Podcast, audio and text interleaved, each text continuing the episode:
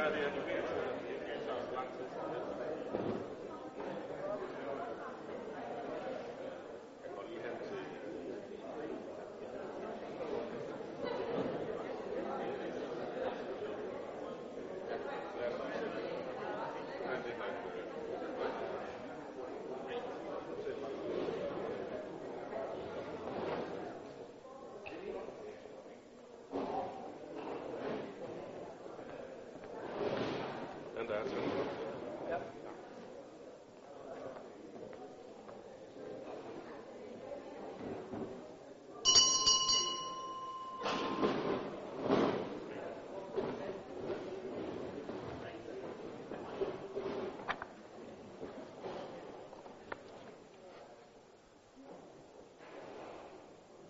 Velkommen til dagens byrådsmøde.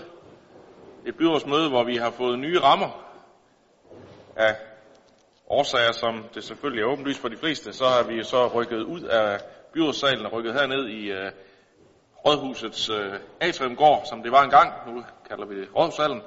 Øh, her kan vi sidde med øh, lidt mere afstand og gennemføre byrådsmødet på trods af den øh, situation, vi er i med, med de coronarestriktioner, der er gældende.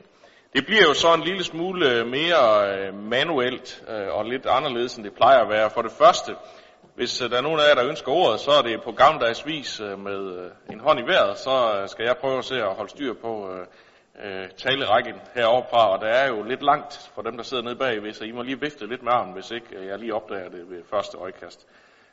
Og derudover så vil jeg bede om at gå herop, når nu man får ordet, så går man herop og taler herfra, fordi at, øh, det kan godt være, at vi kan høre det her i salen, men dem, der lytter med bag skærmen, de skal altså øh, tale herfra. Så der kommer ikke en mikrofon rundt, øh, og derfor er der heller ikke øh, problemer med, at den skal sprittes af. Man står her og taler, der er også øh, håndsprit her, hvis man øh, har brug for det. Så øh, med de rammer, så tror jeg, at vi kan få afviklet dagens byrådsmøde. Der er jo en øh, forholdsvis lang dagsorden. Øh, vi har afbud fra Preben Rudengård, kan jeg lige starte med at sige, og Tommy Nord er så med som stedfortræder. Og ellers så har vi udsendt en dagsorden, som er sag nummer 1. Godkendelse af dagsordenen. Det skal vi høre, om der er nogen bemærkninger til. Det ser ikke ud til at være tilfældet, så kan vi hermed godkende den og gå videre til sag nummer 2. Sag nummer 2, det er en budgetrevision per 30. i 9. for alle udvalg. Og der er det sådan, at øh, to gange om året, der foretager kommunen en grundig gennemgang af sit budget, og i denne budgetrevision, der søger de syv fagudvalg samlet om negative tillægsbevillinger på i alt 53,5 millioner kroner i 2020. Det betyder, at øh, kommunens samlede budget i 2020 nedjusteres med 53,5 millioner kroner, og det er som følge af tidsforskydninger i anlægsinvesteringer og udgifter, større indtægter end forventet vedrørende salg af jord. Det skyldes forskydninger i udbetalinger af kapital vedrørende almene boliger. Det skyldes demografireguleringer på børn og dagtilbud samt øh, sundhed og omsorg. Det skyldes færre udgifter til seniorjobs, færre udgifter, nej, færre indtægter fra forældrebetaling som følge af covid-19, øh, og ved børn og dagtilbud samt ved skole- og fritidstilbud og også lidt ændringer i SSP. Øh, Udover færre indtægter fra forældrebetaling indeholder budgetrevisionen ikke ændringer som følge af covid-19. Dels fordi byrådet tidligere har besluttet, at covid-19-udgifterne skal opgøres og fordeles ved årets regnskabsafslutning, og dels fordi det fulde omfang af kommunens covid-19-udgifter endnu ikke kendes præcist. Herudover er kompensationen endnu ikke endelig aftalt mellem regeringen og KL. Når der ses øh, bort fra tidsforskydninger og andre ændringer, som er økonomisk neutrale for kommunekassen, så tilfører budgetrevisionen kommunekassen ca. 8,5 millioner kroner. I løbet af covid-19-krisen har der været en række sager, som direktionen blev anmodet om at anvise finansiering til, og efter finansieringen af disse sager udgør det likviditetsmæssige overskud i budgetrevisionen 1,5 millioner kroner. Jeg skal høre, om der er nogle bemærkninger til sagen her. Det ses ikke ud til at være tilfælde, så kan vi dermed godkende den budgetrevision. Så går vi videre til øh, de næste sager, og øh, sagerne fra 3 til 7, det handler rigtig meget om nogle skematikgodkendelser på, med afsæt i helhedsplaner fra boligforeninger, og derfor vil jeg lige sådan øh, sige lidt generelt her øh, om de sager først, inden vi så går ned i dem en efter en. Fordi de handler om nogle skema-ansøgninger, som jo dels handler om garantistillelse og økonomisk deltagelse og tilføjelser og fravielser i forbindelse med gennemførelse af de helhedsplaner, øh, som der er. Øh, de indeholder jo opretning og moderniserings- og vedligeholdelsesarbejder, det er ombygning og sammenlægninger efter Landsbyggefondens tilgængelighedsprincip, der skal sikre afdelingens fremtidige drift. Landsbyggefonden har som led i covid-19-tiltag valgt at fremrykke helhedsplanerne til 2020. Og sag nummer tre vedrører så Andels Bolig- og Byggeforeningen af 1932. Boligforeningen 32 plejer den at gå under her lokalt. Øh, de har en ansøgning for deres afdeling 8, som hedder Hedegårdene. De er opført i 70'erne som etagebyggeri i fire gårde med i alt 489 familieboliger.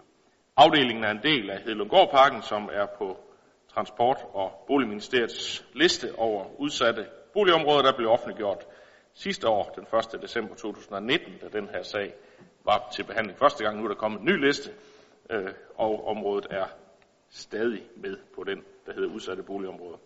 Afdelingen er en del af 3.1-projektet, e der arbejder i området med fokus på fire indsats- og aktivitetsområder, tryghed og trivsel, kriminalpræventiv indsats, uddannelse og beskæftigelse, forebyggelse og forældreansvar.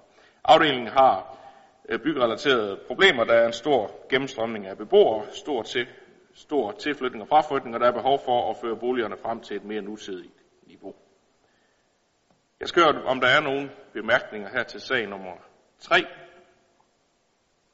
Det ses ikke ud til at være tilfælde, så kan vi hermed godkende den.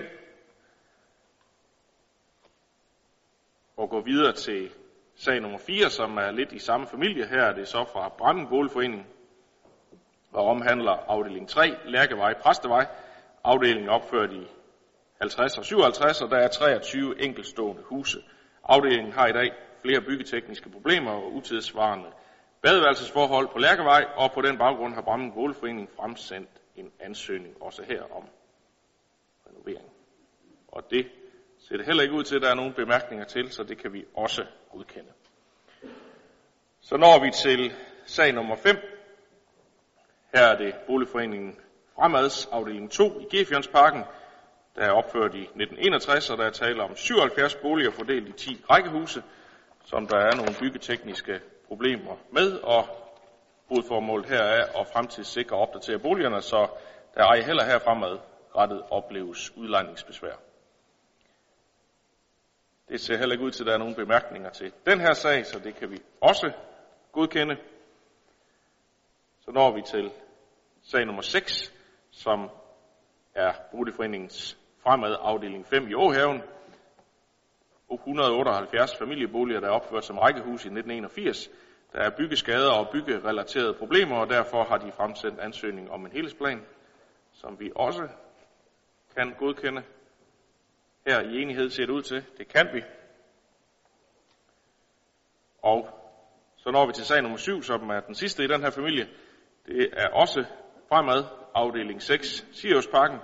Det er etagebyggeri, der er opført i perioden 84-88. Der er også byggetekniske problemer, og øh, der skal i forhold til renoveringen af lejligheder fokus på tilgængelighed, og derfor er der tale om sammenlægninger, hvor antallet af boliger de så bliver reduceret fra 219 til 212 boliger. Det er der heller ikke nogen, der ønsker ordet til, så det kan vi også sige ja til. Så kommer vi til øh, sag nummer 8, som er et ønske om sammenlægning af BSB Esbjerg, Domea Ølgod, mere Varte, som herefter bliver til Bolig Sydvest. Øh, de blev sammenlagt per 1. juli 2020, og dermed hedder det nye selskab nu Bolig Sydvest, og det skal vi så formelt godkende her i byrådet. Og det ser det ud til, at vi kan, så det har vi hermed også gjort. Så når vi til øh, sag nummer 9, og øh, da vi nu har godkendt Bolig Sydvest som øh, organisation, så anmoder de så om at få Esbjerg Kommune som hjemstedskommune, og det er enstemmigt vedtaget i selskabets bestyrelse, og det skal vi så også forholde os til her. Og det ser det ud til, at vi alle er enige om, at det kan vi også godkende. Se, det var så den første række af sager, som jeg fik lov til at fremlægge Ja, nu øh, kommer vi til øh, sag nummer 10, som øh, handler om tilskud til Kongehallen. Det er en sag, der har været i Kultur- og Fritidsudvalget, så det bliver mig André Andersen, der får lov til at forelægge den. Værsgo. Vi øh, sender lige Kurt Bjerg uden for døren. Han er inhabil i den her sag, så det var godt, det er noget, vi lige inden vi får sagen forelagt. Kurt, vi venter lige. Der er langt ud her.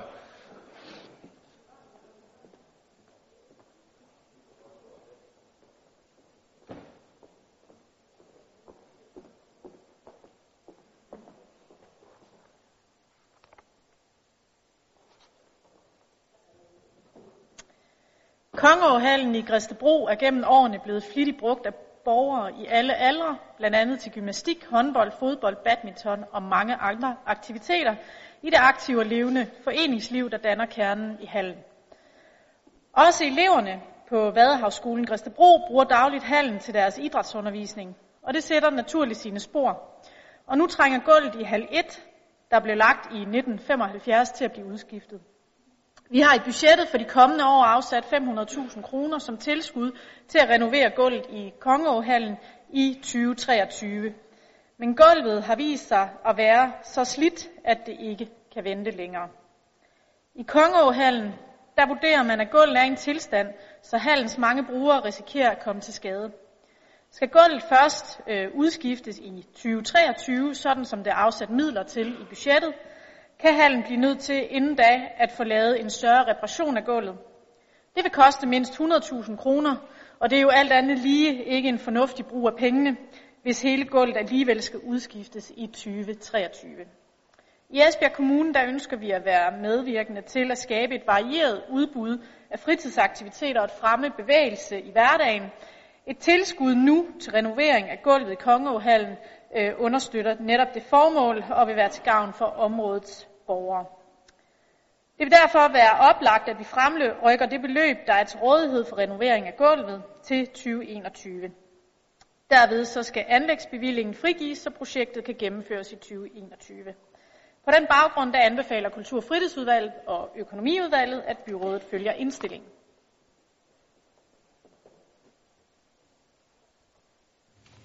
Tak for det. Det er der umiddelbart ikke nogen, der har nogen bemærkninger til, så det kan vi hermed godkende. Og så skal vi lige have Kurt Bjerg ind igen, inden vi... Øh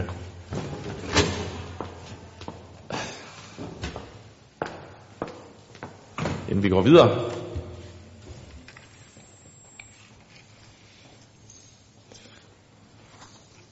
For den næste sag er sag nummer 11. Den handler om øh, de maritime center, en anlægsbevilling. Det er også en sag, der skal have været i øh, Kultur- og fritidsudvalget, og den har faktisk også været i teknik- og byggeudvalget, men øh, Maja, du står ved øh, talerstolen. Jeg ved ikke, øh, det ser ud til på Søren, han er også klar til at, at sige lidt, men øh, hvis I øh, har rækkefølgen på den måde, så får du lov til at starte. Værsgo. Tak skal du have, Jesper. Vi har tidligere afsat midler til Maritim Center på Esbjerg Strand og frigivet en bevilling til projekteringen. Nu er tiden så kommet, hvor der er brug for, at vi bevilger de nødvendige midler til at etablere centret. Projektet bliver 5,2 millioner kroner dyrere end det beløb, vi oprindeligt har afsat. Vi har været så heldige, at Lokale- og Anlægsfonden har valgt at støtte etableringen af centret med 5,2 millioner kroner. Den flotte støtte kommer oven i det tilskud på 11 millioner kroner, som vi allerede har fået fra øh, fonden til projektet tidligere. Det betyder, at nettoudgiften til projektet for kommunen uændret er 40,6 millioner kroner. Med det maritime center får vi nye rammer for havnens mange aktiviteter og sportsklubber. Centeret skal samle alle foreninger, der har maritime aktiviteter under et tag, så det bliver et mødested for vandaktive i alle livsfaser. Med centret og de omgivende områder ønsker vi at skabe de optimale rammer, der inspirerer og opfordrer til sport, leg, læring og socialt samvær, såvel ude som inde. Foreningslivet er i konstant bevægelse og forandring. Derfor er det vigtigt, at der indsættes stor fleksibilitet i anvendelsen af centret. Det maritime center bliver omdrejningspunkt for mange forskellige aktiviteter, som skal tilrettelægges i samarbejde med de mange brugere. Derfor er der også allerede været afholdt to workshops, dialogmøder, hvor de kommende brugere har deltaget. Det er vores håb, at det maritime center vil være med til at skabe stærke fællesskaber på tværs og give mulighed for at danne netværk mellem både brugerne og de forskellige foreninger og de borgere, som i øvrigt benytter sig af faciliteterne i Maritim Center. Formanden for Teknik- og Byggeudvalg vil gerne fortælle jer mere om byggeriet og ambitionerne for dette spændende projekt på Esbjerg Strand, så jeg vil øh, nu give ordet videre til Søren Heide Lambertsen.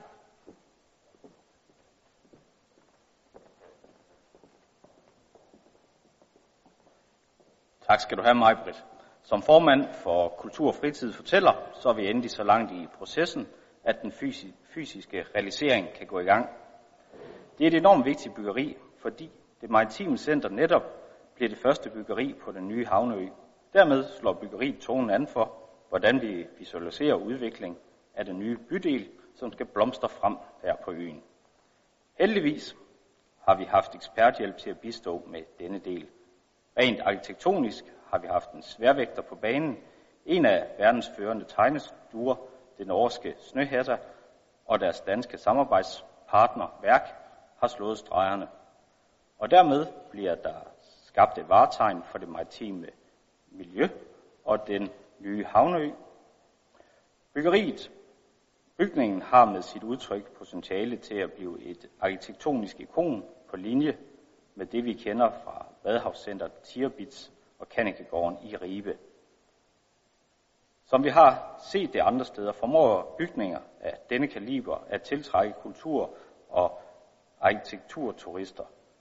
Dermed bliver det ikke kun os tæt på, der får glæde af faciliteterne. Nu nævnte Majbrit Andrea, at vi har et meget levende foreningsliv, som konstant udvikler sig. Det aspekt er også tænkt ind i udformningen af huset. Fleksibiliteten har været et nøgleord, så husets fysiske rammer ville kunne udvikle sig sammen med brugerne og derved være et stærkt maritim samlingspunkt i mange kommende år. Siden arkitektkonkurrencen blev offentliggjort, er der blevet brugt mange kræfter på dialogen med brugerne, så deres ønsker og behov kan indarbejdes i indretningen. Med behandling af dagsordenpunktet i dag baner vi vejen for, at byggeriet kan gå i gang i begyndelsen af det nye år. Som tidsplanen ser ud nu, ved det maritime center stå færdig i begyndelsen af 2022. Kultur- og fritidsudvalget, teknik- og byggeudvalget og økonomiudvalget er enige om at bede byrådet om at indstille, indstillingen følges som skrevet i dagsordenen. Tak for det. Så er det Jørgen Alkvist.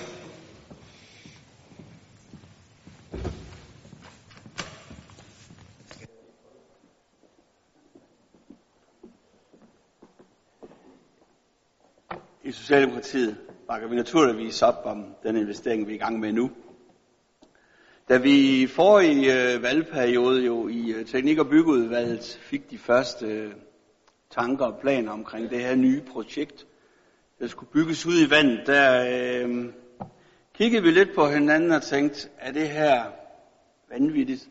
Eller hvad er op og ned i den her sag? Men vi fik jo arbejdet langsomt ind i materien dengang, og øh, vedtog jo så at sætte projektet i gang.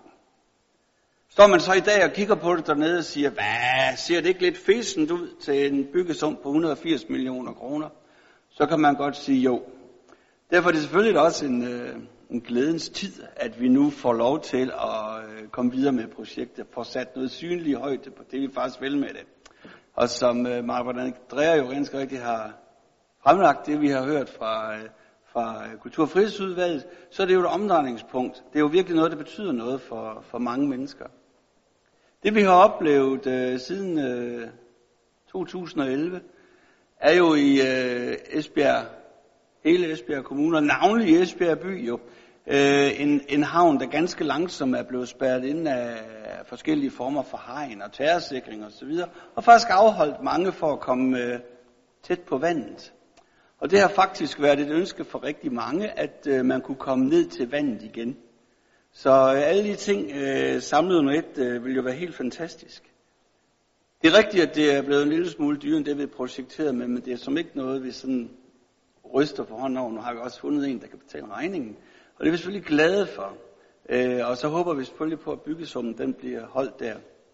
Omkring selve projektet, så er det jo helt fantastisk at, øh, at få noget liggende lige der. Øh, det leder jo naturligvis tankerne hen på øh, Operahuset i Sydney, Måske skal det ikke sammenlignes på samme måde, men øh, man pytter også være med det, fordi ved indsejling til Esbjerg kan man jo se et andet af Utzons øh, store byggerier, hvis man kigger. Så det er fint nok.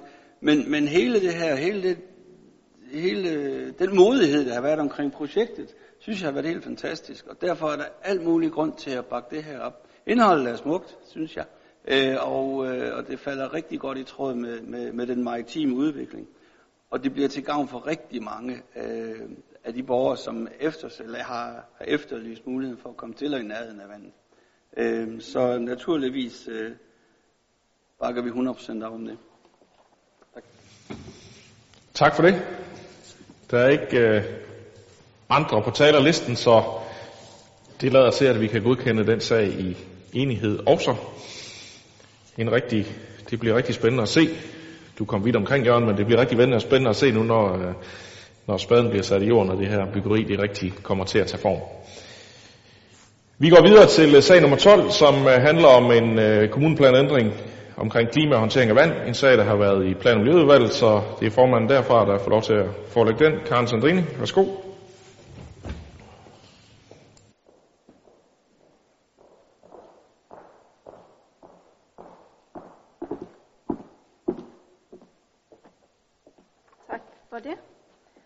Forslaget til kommuneplanændring udpeger oversvømmelsestruede områder i Esbjerg Kommune.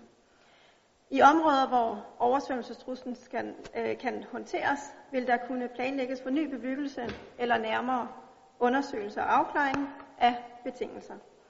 I områder, hvor oversvømmelsestruslen er af mere alvorlig karakter, kan der ikke planlægges for ny bebyggelse, medmindre der fremkommer et nyt datagrundlag eller der etableres løsninger, som gør, at nye valide beregninger viser, at der ikke længere er risiko for alvorlig oversvømmelse i fremtiden. Sådanne løsninger må ikke medføre, at naboarealer påføres det afværgede vand, ej heller må løsningerne skubbe udgiften til oversvømmelsessikring på en måde, så den i stedet påfører fremtidige ejere af det oversvømmelsestruede areal. Efter kommuneplanens vedtagelse vil der blive udarbejdet administrationsgrundlag på baggrund af planens principper. Oversvømmelsesudfordringer i forhold til eksisterende bebyggelse vil blive taget op i kommende handleplaner. Plan- og Miljøudvalget og Økonomiudvalget indstiller til byrådet, at forslag til kommuneplan 2019.48, klima og håndtering af vand godkendes.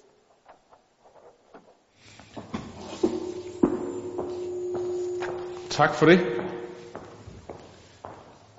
Der er heller ikke flere, der har bedt om ordet til den her sag, så det kan vi også godkende i enighed. Går vi videre til øh, sag nummer 13, som øh, handler om godkendelse af en helhedsplan for bydelsprojektet 3.1, en sag, der har været i Social- og Arbejdsmarkedsudvalget, så Henrik Valø, værsgo, ordet er dit.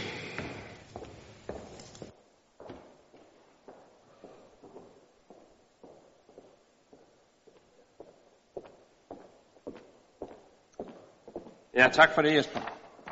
Bydelsprojekt 3.1 har siden 2008 taget sig af den boligsociale indsats øh, i Esbjerg Kommune, især i området ude omkring Stengårdsvej.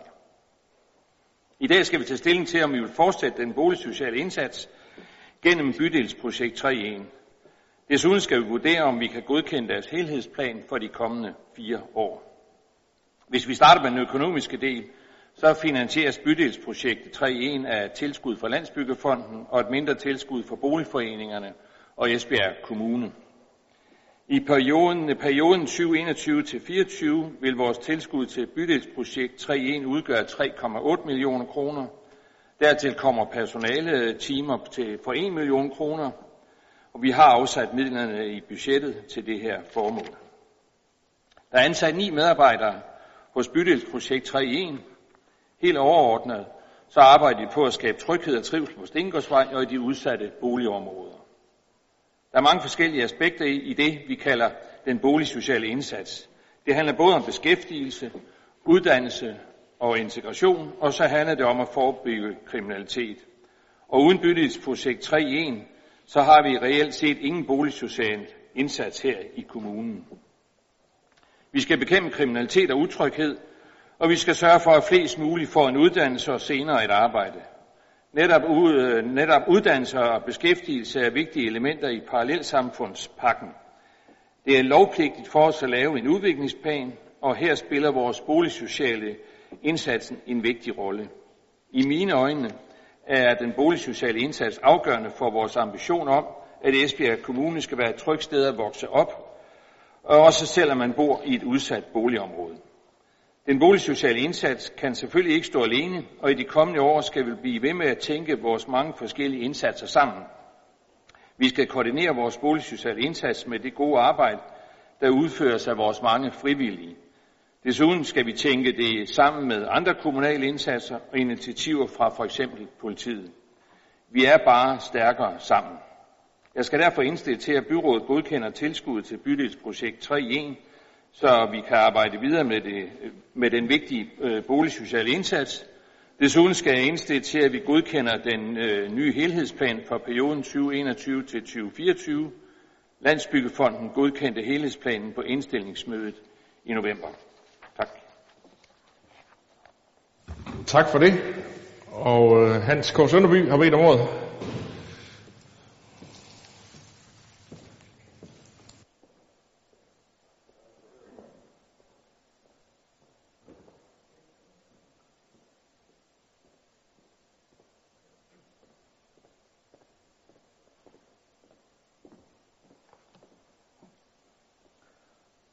Jeg går ud fra, at det er tilfældigt, at behandlingen af, øh, er fortsat opbakning til bydelsprojekt 3 i 1 af sag nummer 13. Projektet er sat i verden som støtte for mennesker, der er ramt af et lidt uheldigt livsforløb. Men hjælper projektet efter hensigten? Ja, det er en trosag. Det kan konstateres, at der stadig er store problemer i de boligområder, hvor millionerne bruges. Vil vi opleve flere problemer i områderne uden et 3 i 1? Ja, det lader sig ikke opgøre, så indsatsen bygger alene på tro. Set udefra, og det er derfor, jeg ser projektet, virker det som bløde tiltag mod et hårdt og fortrinsvis kulturfremmed miljø. Og har bløde tiltag en virkning? Jeg har ingen anelse. Jeg kan se i sagsfremstillingen, at der er mange involveret, og der holdes mange møder om positive målsætninger. Virker det? Jeg har ingen anelse. Er det, vi får for millionerne blot mødekaffe og varm luft? Det kan jeg frygte, men jeg har ikke noget konkret at have frygten i. Det sender et signal til omgivelserne om aktiv handling, men forbliver det blot en signalgivning. Det har jeg min bange anelse om, begrundet i de problemer, der stadig opleves med rod i de aktuelle boligområder. Stemmer jeg for bevillingen? Ja, i mangel på mere håndfaste alternativer og med udsigten til millionerne fra Landsbyggefonden. Det er den ærlige begrundelse for Esbjerg-listen. Tak for ordet. Tak for det. Så er det John Snedgaard.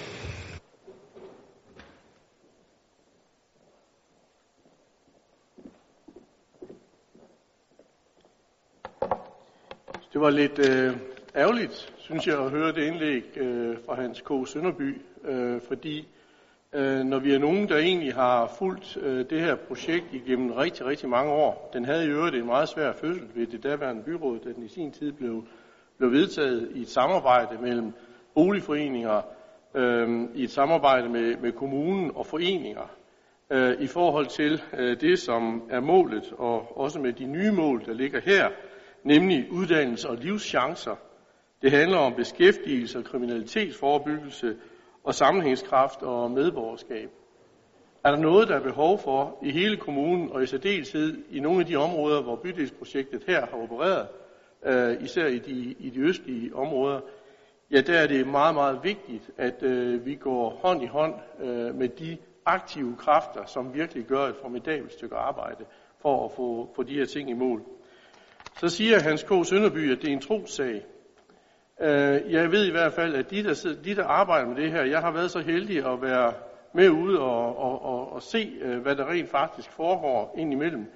Og med den, øh, den feedback, man møder øh, i forhold til betydningen af det her arbejde, der, der er jeg i hvert fald ikke et øjeblik i tvivl om, at det her det flytter noget. Prøv at tænk på, at øh, vi får for 3 millioner kroner, og så lidt af lagte timer, får vi 23 millioner i et boligsocialt arbejde til vores øh, by.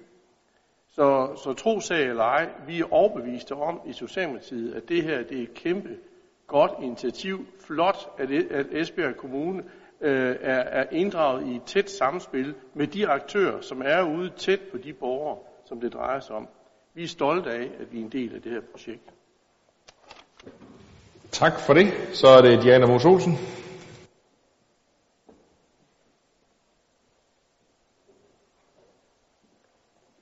Jeg havde jo ellers besluttet mig for, at jeg lige præcis til det her område ikke vil sige noget, selvom jeg meget gerne vil gå op og bakke op omkring det boligsociale arbejde. Og det vil jeg jo gerne, fordi at, øh, at vi i SF også bakker rigtig meget op omkring det boligsociale arbejde generelt. Når jeg havde egentlig valgt ikke at ville sige noget, så er det jo fordi, at jeg selv har arbejdet derude i 12 år, og det vil sige, at jeg har beskæftiget mig i hverdagen med det boligsociale arbejde. Men når man nu alligevel stiller spørgsmålstegn ved, om hvorvidt det har en effekt, og alene har en antagelse af, at man primært holder møder, jamen så føler man en lille bit smule kaldet til, om ikke andet bare komme med nogle konkrete tal. Fordi tilbage i 2008, tror jeg det var, da man påbegyndte nogle af helhedsplanerne og kiggede på, hvad boligforeningerne rent faktisk stod over for. Der især på forebyggelse af udsættelser stod man faktisk over for at have omkring 25 i hver af de to store boligforeninger, man udsatte hvert år. Det vil sige konkret mennesker, der blev sat på gaden, fordi de enten på baggrund af sociale udfordringer, eller simpelthen fordi de økonomisk ikke havde en formåen til at betale deres husleje, der blev de sat på gaden. I realiteten der betyder det, at Esbjerg Kommune vil stå med en kæmpe opgave i forhold til genhusning, i forhold til akutboliger og i, det, i generelt i forhold til at hjælpe de her mennesker på fod igen. I løbet af seks år er det faktisk lykkedes øh, at få fjernet utrolig mange af de udsættelser. Og jeg tror, det var sidste år eller forrige år, der var man led på alene i ungdomsbo at have seks udsættelser i de, øh, i de her områder, og det samme i B32. Og hvis man bare regner det ud i forhold til menneskelige omkostninger, så har det en stor betydning, men regner man det ud i faktiske omkostninger for de andre i hvad hedder det, boligforeningerne, altså afdelingerne, som egentlig ellers skulle betale for det her, så er det rigtig, rigtig mange penge. Fordi man siger, at hver udsættelse koster en boligforening øh, 75.000 kroner. Så rent faktisk så alene øh, i udsættelser, så tjener det sig rigtig meget hjem for boligforeningerne, men også for Esbjerg Kommune. Man kan altid tro, at det her det, øh, ikke ville have haft nogen betydning, hvis man ikke havde det. Det er jo svært at sige, man kan vente den om og så sige, at Esbjerg Kommune har vi ikke tilnærmelsesvis de samme udfordringer og problemstillinger i vores udsatte boligområder, som man har andre steder. Og det er på trods af, at vi rent faktisk på Stengårdsvej har det, man kalder en hård ghetto. Og vi har ikke tilnærmelsesvis de samme problemstillinger. Jeg tør godt tro på, at det rent faktisk gør en forskel. Jeg har selv oplevet det i hverdagen, men jeg tror også godt, tør også godt tro på, at denne her helhedsplan med de mennesker, der er derude, med de mange engagerede frivillige og medarbejdere og boligforeninger, at det rent faktisk har en positiv effekt. Så i SF er vi slet ikke i tvivl om, at vi selvfølgelig også bakker op om det den her gang. Tak for det. Så er det Musa Uto.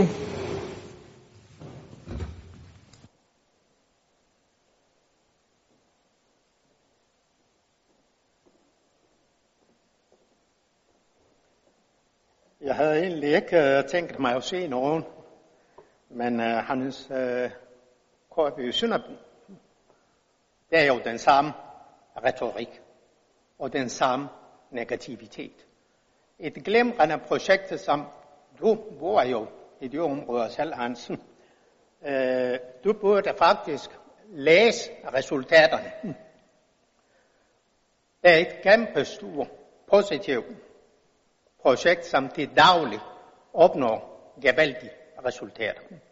Nu har Diana og, og John Snedker har jo sagt næsten det hele. Jeg skulle bare komme med den her lille kommentar. Jeg kan ikke stå overhøre, at, at, at den bliver kritiseret på den måde.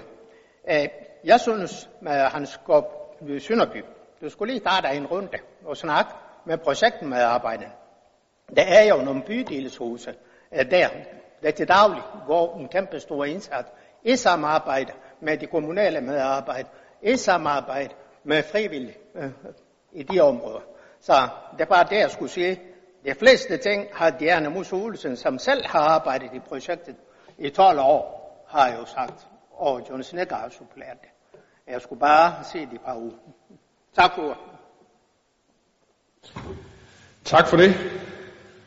Der er ikke flere, der har bedt om ordet, men øh, som jeg opfattede Hans K. Sønderbys indlæg, så skal vi nok stemme om øh, godkendelsen af planen her, så hvis ikke I allerede er logget ind, så er det ved at være tid. Nej, det sagde du ikke. Godt, så misforstod jeg det lidt. Men øh, så lyder det jo til, at vi på trods af lidt verbale uenighed her, kan godkende planen i enighed. Det er det, vi gør. Og går videre til sag nummer 14, som handler om exit prostitution. Også en sag fra Social- Arbejdsmarkedsudvalget. Henrik, du gemmer det her bagved, så du får ordet igen. Værsgo. Tak for det. Ja, Esbjerg Kommune har ansøgt om at fordele i Socialstyrelsens pulje på godt 49 millioner kroner til indsatser målrettet mennesker i prostitution. Vi har modtaget 7 millioner kroner fra puljen og kan derfor gå i gang med det treårige projekt Exit Prostitution. Formålet med projektet er at give mennesker i prostitution mulighed for at få rådgivning og støtte, hvis de ønsker at forlade prostitution for at få et bedre liv. Center for Misbrug og Udsatte vil, samarbejde, vil i samarbejde med KFK eller vil samarbejde med KFK om at etablere et lokalt samlingssted, øh, hvor man kan opholde, opholde sig og få rådgivning. Vi er inspireret af redden, som findes i København, Aarhus, Odense og Aalborg, og som også er en initiativ, som KFUK står bag. I løbet af den treårige projektperiode forventer vi at kunne hjælpe op imod 170 borgere. Nogle af dem vil få tilrettelagt et exitforløb for at få hjælp til at forlade prostitution, mens andre vil få et rådgivningsforløb. Vi kender ikke de præcise omfang af prostitution i Esbjerg Kommune endnu, men det skal vi selvfølgelig have afdækket. Det er meget positivt, at vi får mulighed for at trække på KFUK's, KFUK's ekspertise på området. På den måde kommer vi til at kunne tilbyde et afprøvet og succesfuldt koncept. Det kan både være en hjælp til dem, der lever som prostituerede, og til dem, der er på vej ind i prostitution. Så jeg håber, at byrådet i dag vil støtte op om og godkende sagens indstilling. Tak. Tak for det. Så er det Hans Erik Møller.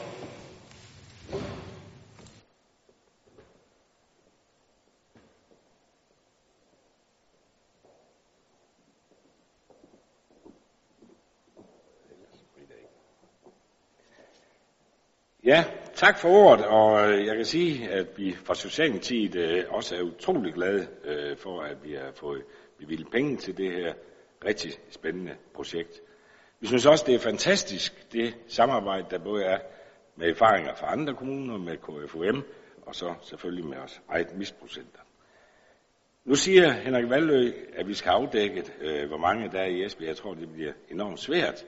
Øh, jeg tror faktisk, at problemet måske desværre er væsentligt større, end vi regner med. Nu er det jo sådan, at når man kigger på Esbjerg som sådan, så ser vi ikke det samme problemstilling, som man ser i andre byer. Det er ligesom om, at det er mere under radaren. Altså man kommer til Københavns hovedbanegård og går ud af, af bagindgangen, ud af mod Istedgade og alt muligt andet, så kan man jo tydeligt se problemets øh, stilling. Det synes jeg ikke, øh, man ser helt på samme måde i Esbjerg. Så det kan godt være, at problemstillingen faktisk er meget større, end vi øh, forventer. Jeg håber det ikke, men jeg er meget bange for, at det er realiteterne. Og så er det jo tre indsatsområder, øh, vi øh, kigger meget på i den her sammenhæng. Den første, det er jo egentlig alt det, her skort. Øh, særligt også for udlandske kvinder, som måske kommer herop under nogle dårlige forudsætninger, lever kummerligt og bliver virkelig udnyttet. Det er simpelthen en katastrofe. Det næste, det er vores udsatte borgere. Og et udsatte, det kan jo være folk med misbrug, det kan være hjemløse, det kan have psykiske lidelser, det kan være meget andet, men det kan også være kombination af øh, de ting. Og der er det jo utrolig vigtigt, at vi sætter ind for at hjælpe den gruppe. Tid og ofte kan det være for at finansiere deres misbrug, eller hvor for at få reddet en økonomi. Og så er der også nogen, tror jeg, der er socialt udsatte, økonomiske. Og det kan også være et stort problem. Der kan være nogen, der føler sig fristet af, hvis man lever meget økonomisk hårdt spændt for, at man måske kan gå ud og lave lidt ekstra penge. Det kan være, hvis man er på kontanthjælp. Det kan være, at man ikke kan få julehjælpepakker, så man ikke kan give sine børn gaver eller noget. Jeg siger bare, der kan være nogen af den slags. Og den tredje gruppe, som er utrolig vigtig, vi sætter en stor indsats over indenfor, det er os unge. Der er nogen, der føler sig lidt tiltrukken af miljøet, færdigt i området, og dem er det enormt vigtigt, at vi får fat i så hurtigt som muligt, for de er nemlig modtagelige for forebyggende indsatser. Så dem skal vi absolut have fat i. Og desværre så fremgår det også af sagen, at der er nogen unge, der slet ikke føler sig som prostitueret, selvom de har benyttet lejligheden til at sælge, øh, sælge sig selv et par gange. Så det er virkelig vigtige områder, vi nu kan tage fat på. Så vi er rigtig glade og godt tilfredse med, at vi har fået det projekt igennem. Tak for det. Tak for det. Så var det Karen Sandrine.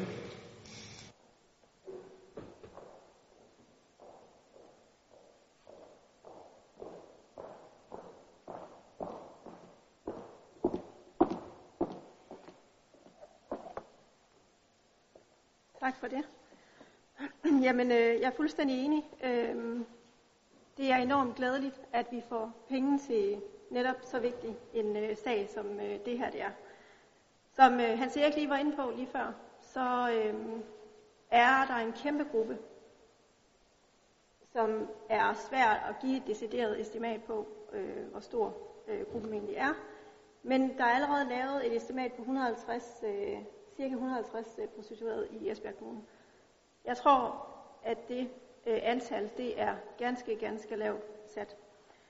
Øhm, fordi at prostitution, det er jo, når man, når man øh, laver en ydelse for, øh, for at modtage øh, betaling, eller mod betaling.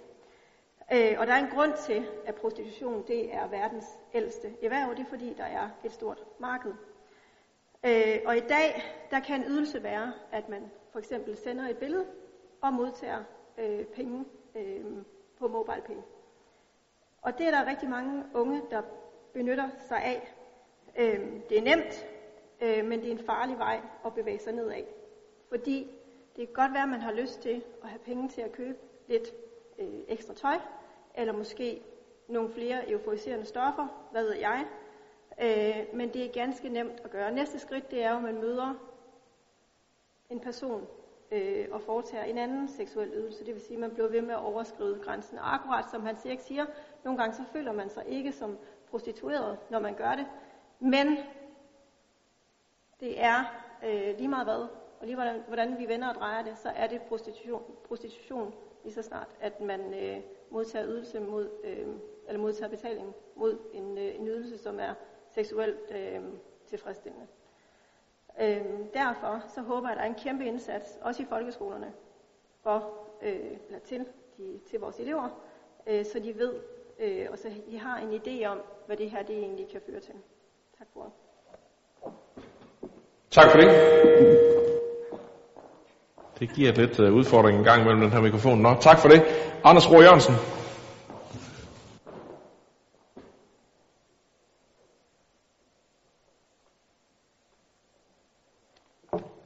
Ja, så jeg hører til en af dem, som blev lidt overrasket over, at det her også er et problem her i øh, vores kommune. For mig der er det ellers noget, der kun findes i storbyerne. Og vi vil jo rigtig gerne være en storby og have storbykvaliteter. Så derfor er det jo rigtig fint, at vi nu kan få lavet en kortlægning af omfanget af prostitutionen her i Esbjerg, så vi kan sætte ind med en forebyggende indsats eller en exitplan, hvis man allerede er blevet en etableret del af det her miljø. Det, det er i hvert fald spændende at se, hvad resultatet af indsatsen det bliver. Det kunne jo være dejligt at kalde sig storby uden den form for aktiviteter. Jeg kan dog stadig ikke lade være med at spørge mig selv, om vi nu også har et reelt problem på det her område. Men en af mine gode kollegaer i Social- og Arbejdsmarkedsudvalget kunne berette, at han efter at have lavet en grundig research hjemme på computeren, at der fandtes afskillige udbud af den her slags service, også her i byen. Jeg skal nok lade være med at nævne nogens navne. Så altså bare fordi, at også almindelige mennesker ikke ser de her mennesker på gadehjørnerne, som for eksempel i København og andre steder, så er det jo ikke ens betydning, eller ens betydende med, at de ikke findes.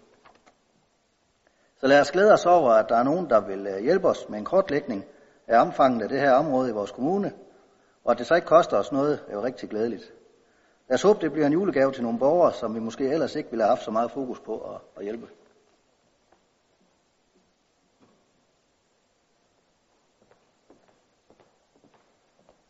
Tak for det.